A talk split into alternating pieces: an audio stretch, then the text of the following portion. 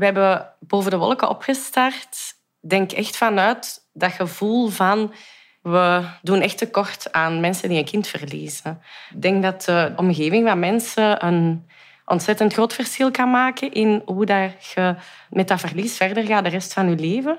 Welke woorden dat er gebruikt worden, de contacten die er zijn of de gesprekken die er net niet zijn.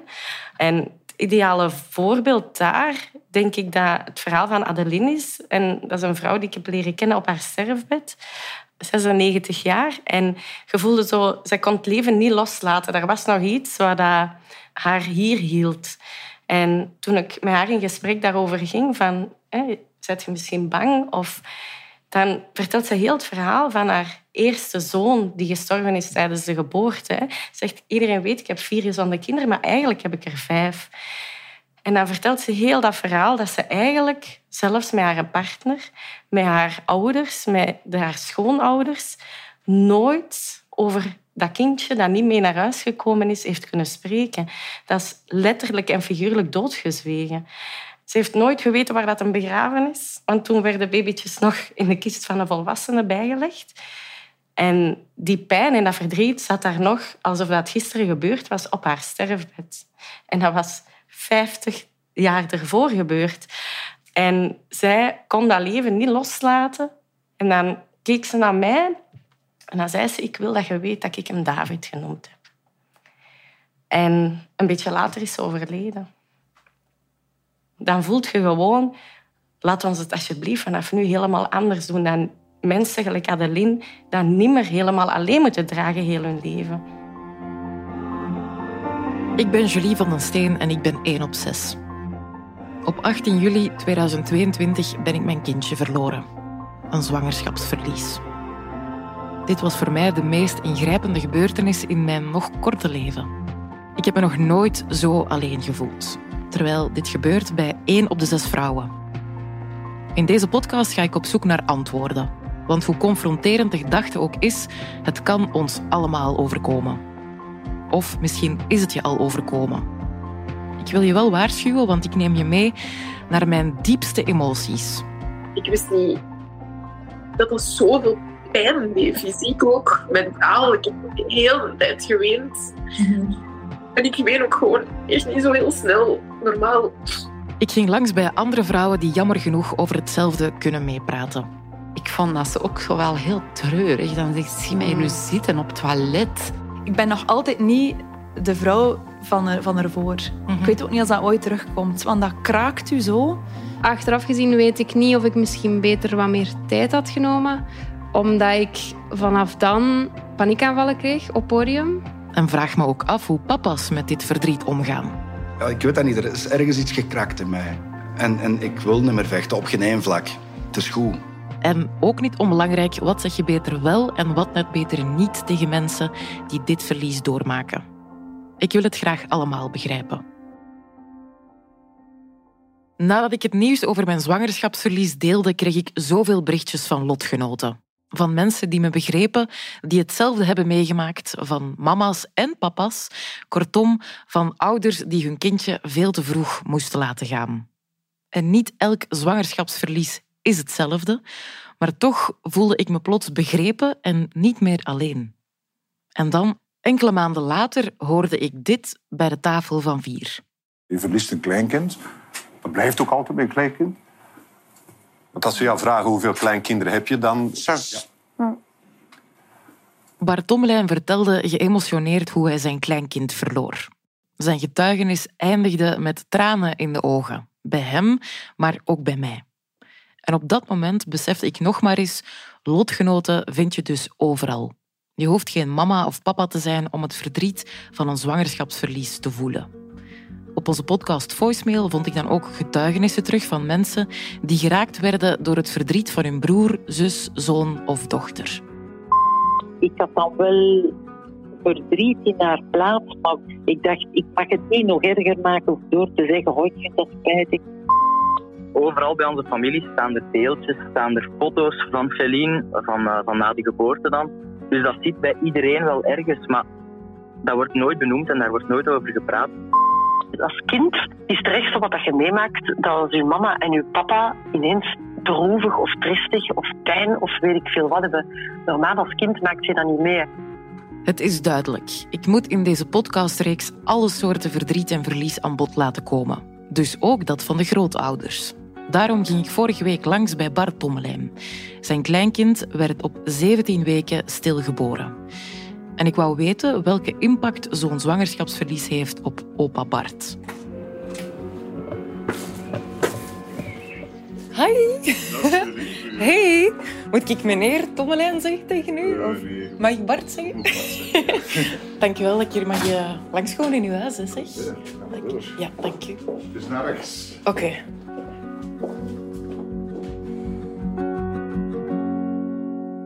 U wel dat ik mag langskomen. Ik ben heel blij dat ik hier mag zijn.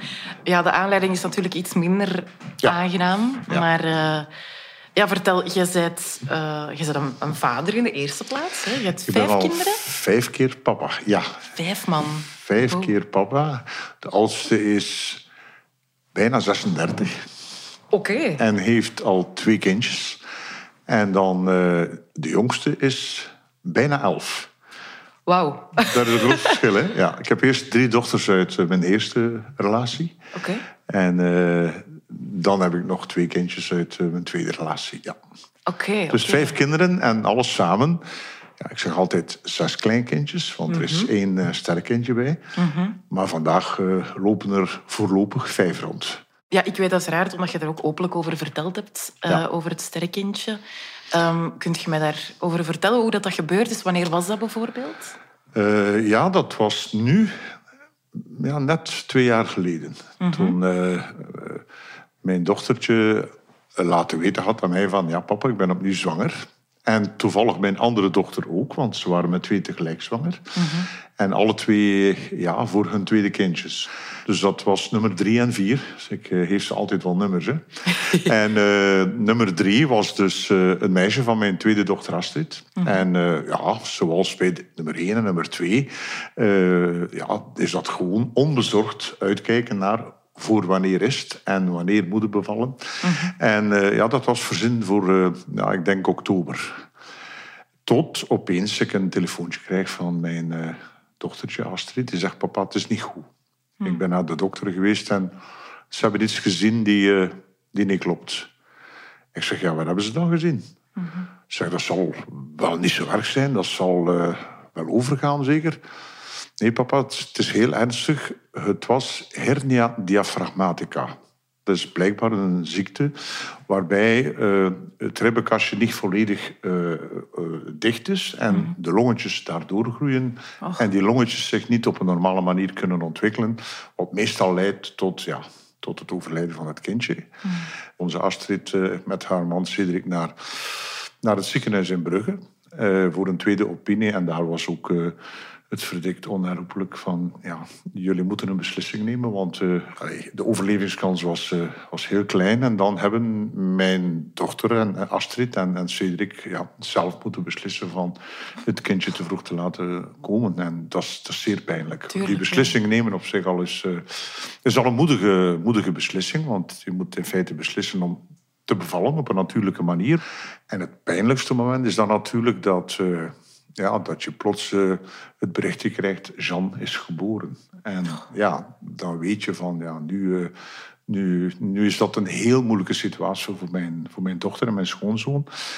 En ja... Maar wat doe je dan? Want als je... je Wenen, Ja. toen ook ik dat berichtje kreeg. en het telefoontje? Als je Eh, dochter ja, ze heeft het via een sms'je gestuurd. En dan, dan kraakte ik wel. En dan krijg je een situatie, en dat vind ik wel het belangrijkste als opa, waarbij je niet alleen je kleinkindje eh, verliest, eh, maar ook je kinderen pijn ziet hebben. En niks ergers voor een ouder dan kinderen pijn zien hebben. Je probeert kinderen te beschermen, je probeert alles te vermijden omdat je kind pijn zal hebben. En, ja, en dan krijg je natuurlijk met heel wat emoties te maken. Dan krijg je vooral te maken met het feit, en daarom is ook het feit dat ik erover wil vertellen, je weet niet goed wat we doen. Daar praat niemand over. Een heleboel vrienden van mij, want ik was net voor het berichtje gaan fietsen. Mijn, mijn goede vrienden, mijn beste vrienden wisten van... Ja, eh, de dochter van Bart is nu in, in, in, het, in het moederhuis of in het ziekenhuis. En niemand vroeg iets. Niemand ze wisten wel iets. dat het verkeerd Ze wisten was gelopen. dat het verkeerd aan het lopen was, maar niemand vroeg iets. Maar hoe voelt je op dat moment? Ja, dan zei ik ook van... Allee, als mijn dochter eh, bevalt eh, van eh, een, een, een gezond kindje... dan is het eh, tractatie, de, de opa... De, allee, dan, dan kan het niet op, dan is het feest. Dat schril contrast met van... De, mijn dochter is in het ziekenhuis. Men weet dat het kindje stilgeboren wordt. En men zwijgt. Men spreekt daar niet over. Maar En, had je daar wel ja. nood aan op dat moment? Ja, in feite wel.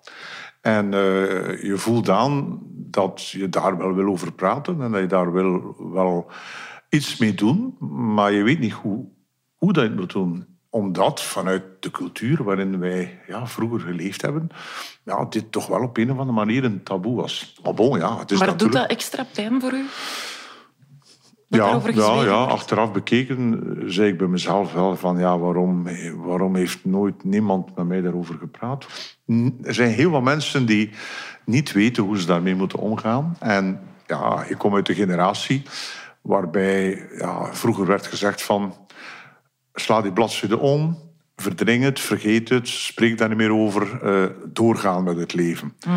Ik had het ook al wel zelf al eens meegemaakt met, met mijn vrouw Sarah. eh, toen eh, ze zwanger was van ja, het vijfde kindje. Maar dat was heel snel in, in de zwangerschap. En dat was ook een situatie waarbij er kunst, eh, eh, kunstmatige inseminatie geweest was. Het implanten van. Maar eh, ja, daar hadden we niet zo bij stilgestaan. Maar dus als vader heb je het ook al meegemaakt? Ja, als papa heb ik het ook meegemaakt. Ja. Maar in een andere vorm. Alleen op een bepaald moment, dat was nog heel vroeg in de geboorte.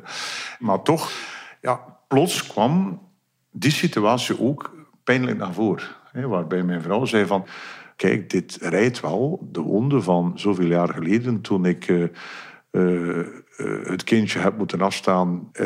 En zegt ze, ja, ik, ik heb dat ook verdrongen... omdat ja, je zat in de routine van... ja, dan gaan we nog maar eens opnieuw beginnen. een, een nieuw eitje uit de... Uit de implanten.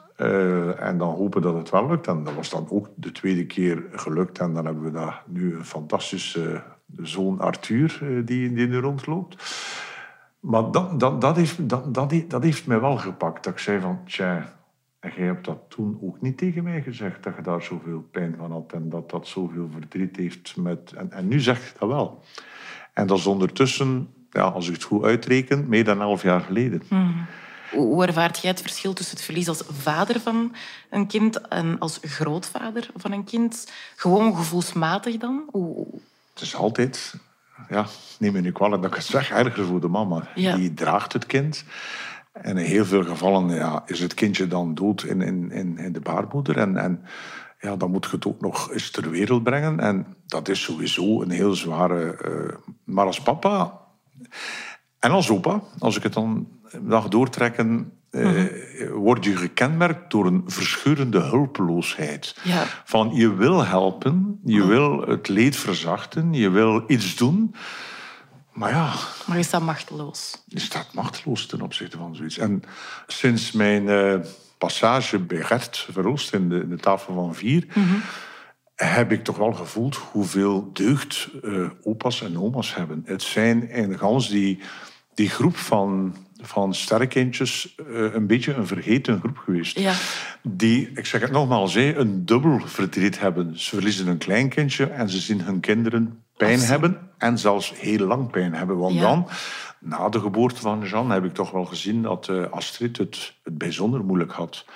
En eh, wij proberen daar als familie zo dicht mogelijk bij te staan. Maar ja, we weten ook niet goed van, ja, wat moet ik doen, wat mag ik doen? Maar ja, elk jaar als Jean, het is nu twee jaar geleden, vorige week zelfs, ja, dan sturen wij toch wel een berichtje van, wij denken vandaag aan, aan Jean. En eh, ook aan haar. Dus Het is nog altijd moeilijk hè, om daarover te praten. ja, Ja. Maar goed, natuurlijk, eh, ondertussen heb ik eh, een, een tweeling erbij. Dus als Jeanne geboren is, eh, is Astrid ja, natuurlijk een tijdje door een heel moeilijke periode gegaan. En dan kreeg ik toch wel een, ongeveer een jaar later het bericht van papa. Ik ben opnieuw zwanger. Dat was heel vroeg. Maar ja, papa, jij ziet dat toch. Hè? Ik drink van niks en, en, en, en, ik eet bepaalde dingen niet. Ik wil het u zeggen, maar je mocht het niet tegen de rest van de wereld zeggen. Hè? Want ze kennen mij. Hè? Dan ben ik uh, iemand die dat dan onmiddellijk uh, overal uitdazuigt. En, uh, dus ik kreeg de onmiddellijke opdracht van zwijgen. Ik ben opnieuw zwanger. En dan heb ik dat volgehouden. Raar, maar waar. Vooral omdat natuurlijk haar grote hoop was geweest van... Hopelijk is het een meisje. Ah. En op het einde van de rit bleken dat toch wel twee jongens zeker. Dus ze heeft nu twee jongetjes in plaats van Jean. En ja, dan zijn we daar ook wel dankbaar voor. En dan denken we nog eens aan Jean. En dan zeggen we van, ja, Jean, jij hebt het niet kunnen uh, volhouden door, door, door omstandigheden. Maar we hebben er nu twee in de plaats gekregen. En ja, dat, is natuurlijk wel voor een stuk het leven. Je moet het leren plaatsen. Hè. Maar het doet natuurlijk altijd pijn. Hè. Mm en ik denk dat, ja, dat, dat er heel veel stil verwerkt wordt en dat heel veel mensen zeggen, ik zal daar een ander niet mee lastigvallen. En ja, dat is ook het signaal dat ik wil geven. Uh, spreek met die mensen. Ja. Praat erover. En neem initiatief, denk ik ook ja, wel. Hè? Ja, ja. Want het, het initiatief nemen is van... Ja, wat moet ik gaan doen? Ja, uh, goh, uh, moet ik daar naar bellen? Moet ik daar, moet ik daar naartoe gaan? Doe dat, hè. Ja. Een goede knuffel kan wonderen doen. Hè? Er gewoon zijn. Ja, ja. een goede knuffel. Iemand is goed vastpakken. Maar ik weet nog heel goed bijvoorbeeld als mijn mama gestorven is. Dat ik, ze was dan nog heel jong, ze was nog maar 58 en ik was nog maar 32. Ik herinner mij iedereen die mij is komen knuffelen. En ik weet nog wie op de begrafenis was zo belangrijk dat je op het moment dat, dat je zoiets tegenkomt, dat je mensen bijstaat, dat je mensen helpt. Mhm. Dus ik denk ook bij uh, die jonge mama's die uh, een sterrenkindje krijgen, dat de mama's en, en de omgeving ook mhm. daar enorm veel deugd aan hebben als die steun, dat die blijk van, van, van, van medeleven, dat die komt. Mhm. En dat is natuurlijk wel iets wat ik geleerd heb in de voorbije ja, jaren, dat, dat dat echt heel belangrijk is. En dat is nogal dikwijls zo, hè, dat ik tegen de mensen zeg, je mag verdriet hebben. Hè.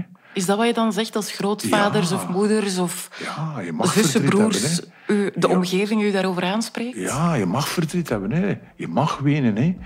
In onze samenleving is het ook zoiets van, ja, mannen wenen niet. Ja, hallo. Ween maar. Hè. Tuurlijk. Heb maar verdriet. Toon maar dat je pijn hebt. Dat helpt.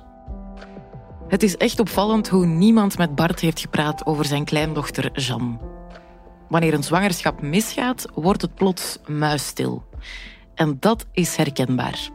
Ik zag vaak hoe mensen het gesprek uit de weg gingen. En dat doen sommigen nu nog steeds.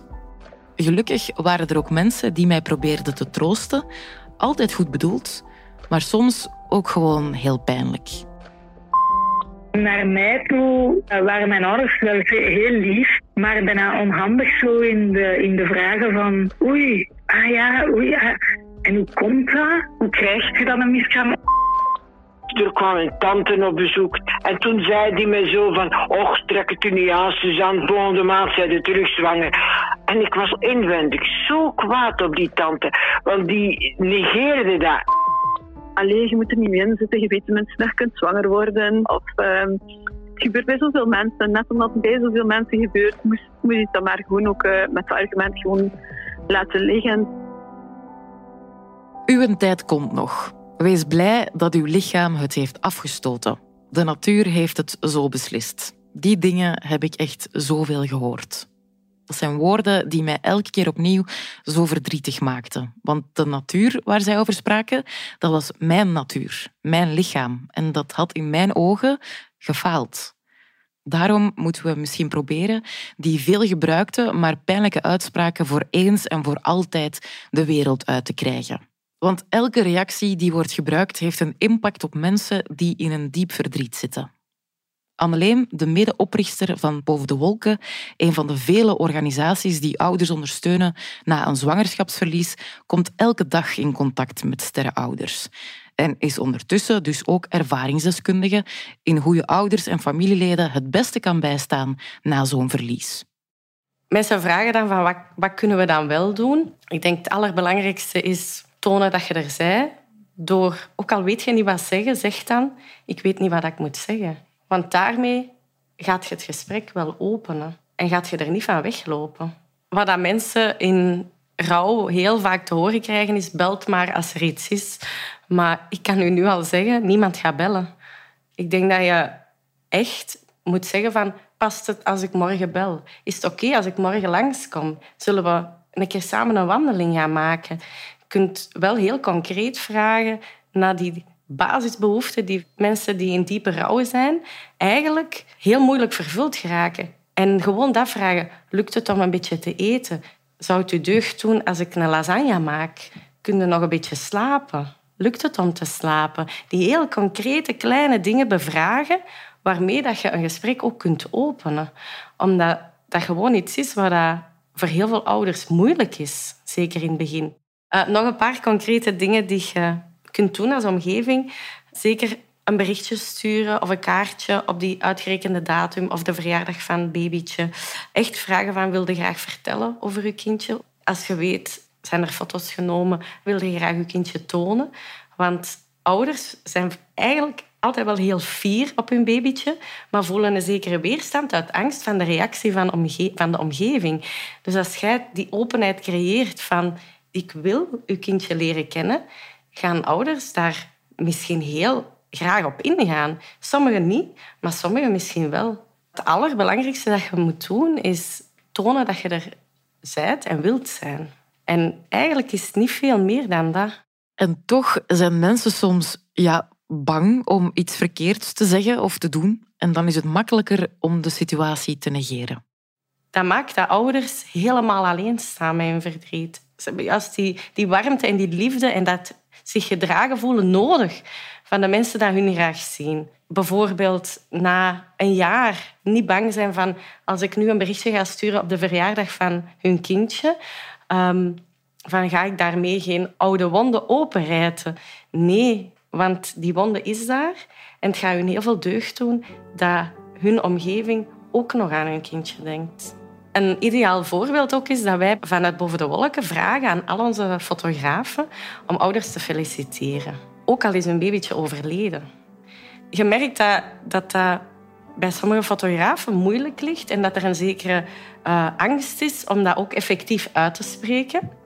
Maar hoe meer dat je dat doet en hoe meer dat je dan de bevestiging krijgt van die ouders, hoeveel deugd dat, dat hun doet op dat moment zelf, op den duur heb je die angst niet meer, want je weet, het gaat de mensen deugd doen. En die fotografen van Boven de Wolken zijn ook bij de dochter van Bart langs gegaan om foto's te nemen van zijn kleindochter Jeanne. Ik heb wel een aantal foto's gezien. Oh. Maar ja, het blijft toch ook voor mij nog altijd moeilijk om tegen mijn dochter Astrid te zeggen van zeg, toon nog eens die andere foto's ook. Dus ja, het is iets wat je ja, misschien moet leren, hè, van daar toch uh, open en, en, en meer open over te praten. Mhm. Maar die foto's zijn er, ja. En ik ben daar heel blij voor dat, uh, dat, uh, dat Astrid en Cedric daar toch een enorme steun aan hebben. Dat er iets tastbaars is. Ja. En ja, ik denk dat, dat Boven de Wolken daar ontzettend goede dingen doet.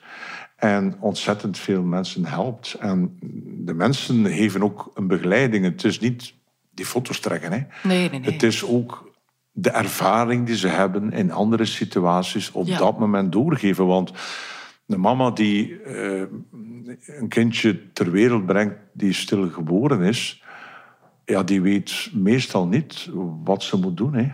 En die mensen van boven de wolken weten dat wel, want die hebben al dergelijke situaties meegemaakt.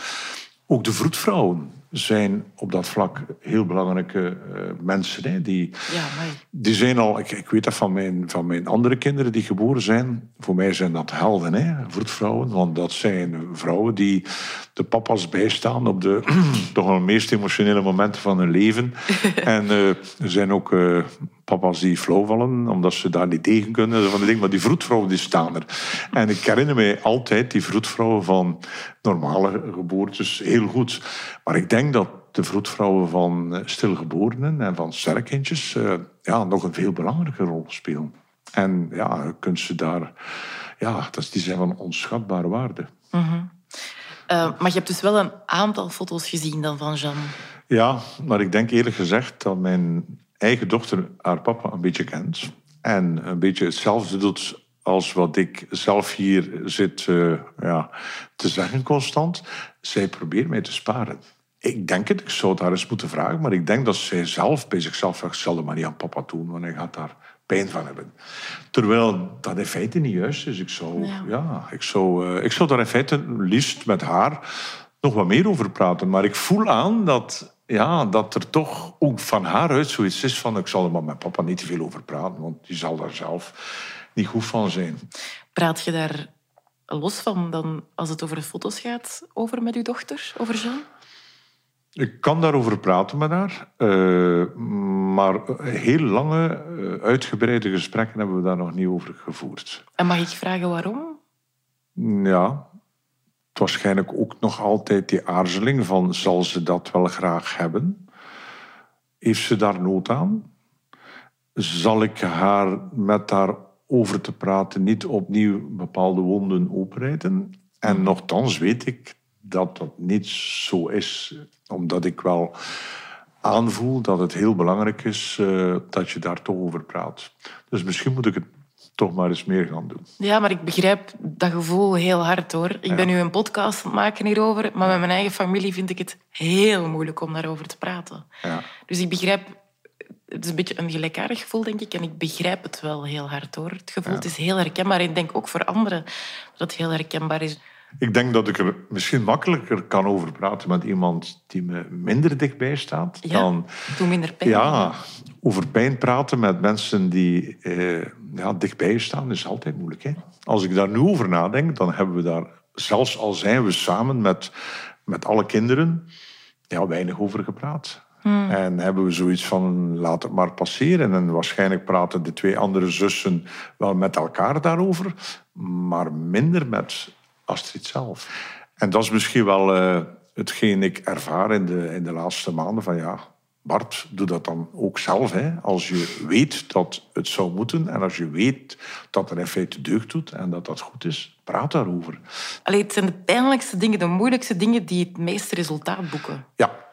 ja, dat kan ik geloven. En iets waarvan je denkt, we doen het beter niet. Als je het dan doet, dan zeg je waarom heb ik dat nog niet eerder gedaan? Ja, want het, ding, het uit de weg gaan is vaak pijnlijker dan het effectief doen. Hè? Negeren en doen alsof het probleem in feite niet bestaat, is het ergste wat je kunt meemaken. Ja. Dat, is, uh, dat is in feite het belangrijkste van, van, van, van het verhaal. Van, Mhm. van Boven de Wolken, van uw podcast, van, van mijn getuigenis bij, uh, bij Gert. Dat je er moet over praten en dat communicatie uh, belangrijk is. En dat je zoveel mogelijk, en er is nog heel veel werk daar zoveel mogelijk de mensen moet uh, informeren daarover.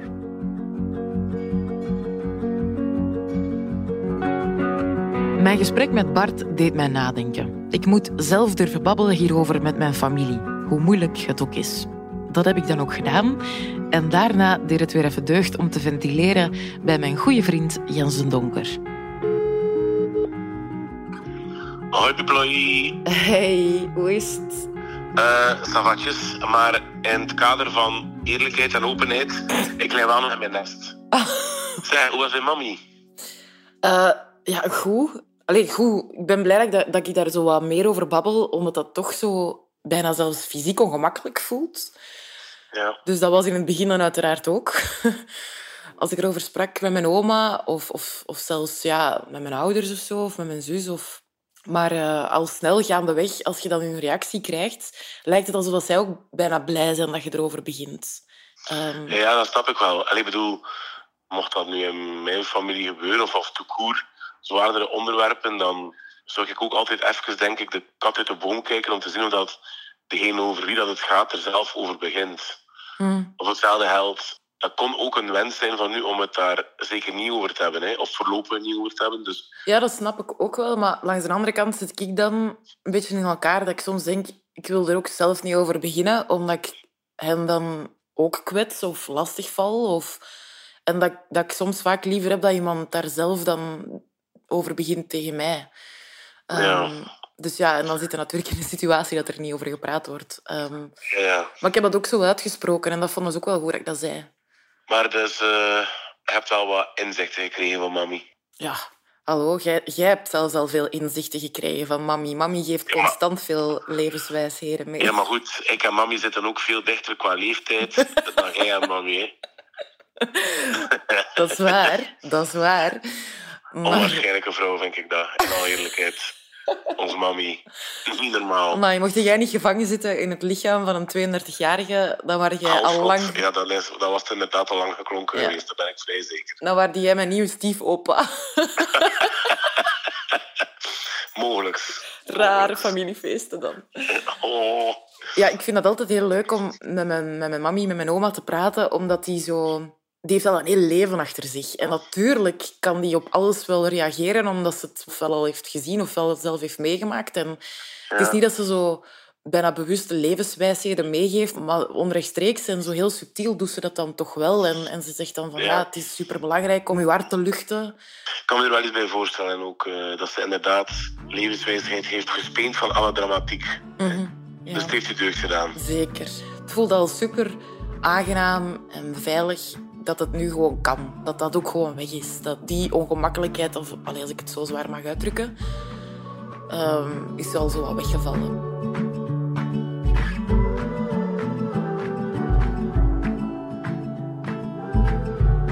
Praten over je kindje hoeft trouwens niet altijd treurig te zijn. Dat leerde ik ook nog van Bart. Jean is en blijft bestaan in, in ons hart. Ja. Is dat iets ehm, dat jullie vieren, is misschien raar gezegd, maar iets waarvoor jullie samenkomen dan op die, die datum? In feite komen wij elk jaar samen voor de verjaardag van Hervé. Maar dat weten we natuurlijk wel, dat twee dagen ervoor. En ja, dan is dat gewoon een, een kwestie van, van, ja, van elkaar toch een, een berichtje te sturen of een telefoontje te geven. Of daar is eh, toch eh, een signaal te geven. We denken eraan. Maar ik weet van families, eh, zoals wie, van wie ik daarnet vertelde, Marcel, die vorig jaar rond deze tijd ook te vroeg geboren is, dat die familie dit jaar eh, samengekomen is op de verjaardag van de geboorte van Marcel. En dat ze elkaar dan steunen. En dat vind ik ook wel mooi. Dat je dan... natuurlijk, ik besef ook wel dat iedereen daar op een andere manier mee omgaat. Hè. Dat is ook Mhm. met een, met, een, met, een, met een overlijden is dat ook zo. Met, met, met gebeurtenissen. Iedereen reageert anders. Maar ik denk toch wel dat het samenkomen met de mensen die je lief hebt, met de mensen van wie je houdt, ja, toch wel kan helpen. En ik vind dan ook dat, dat er heel wat initiatieven kunnen genomen worden om te helpen.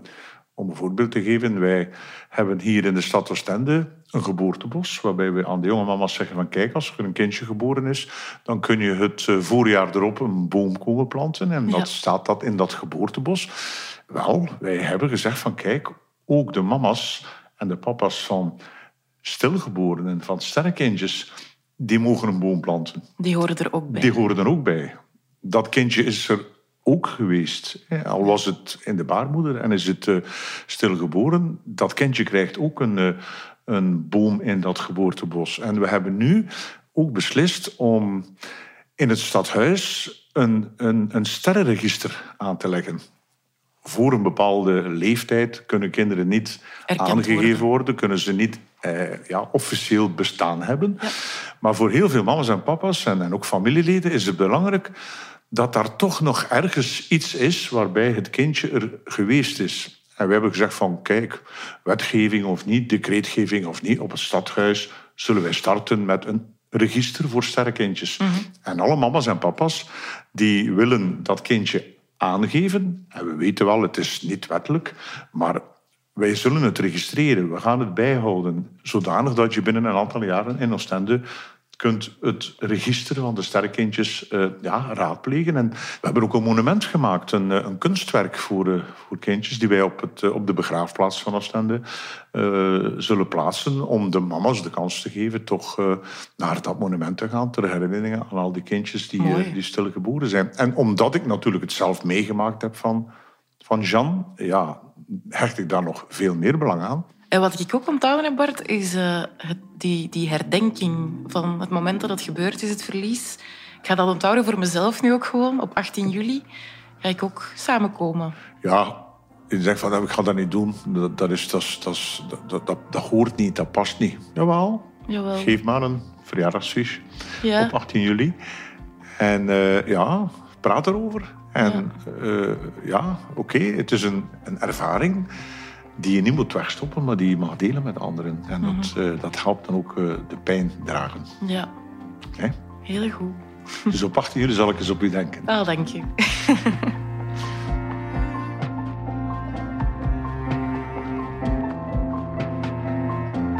De zomer komt dichterbij en dat betekent ook dat het binnenkort opnieuw 18 juli zal zijn. En die gedachten houden mij wel wakker. Maar het gesprek met Bart nam een deel van mijn zorgen en angsten weg. Ik ga me die dag laten omringen door mensen waarvan ik hou. Dus ik ga, hoe gek het ook klinkt, mijn kindje vieren. En hopelijk doe jij dat ook. Nodig mensen uit op dagen die belangrijk zijn voor jou. Onthoud ook de dagen die veel betekenen voor anderen. Want er voor elkaar zijn is zo nodig. Daarom vind ik het ook zo belangrijk om dit verhaal verder te zetten. En volgende week doe ik dat met sportanker Lies van den Bergen. Dat is eigenlijk op de verlosafdeling dat ze een curettage doen. Dus ik zat in een wachtzaal met zwangere vrouwen en ik hoorde zelfs een hartslag van een baby van een vrouw die, die aan een monitor lag in een kamertje met de deur open. Ik dacht, alleen jongen, dat kan nu toch niet?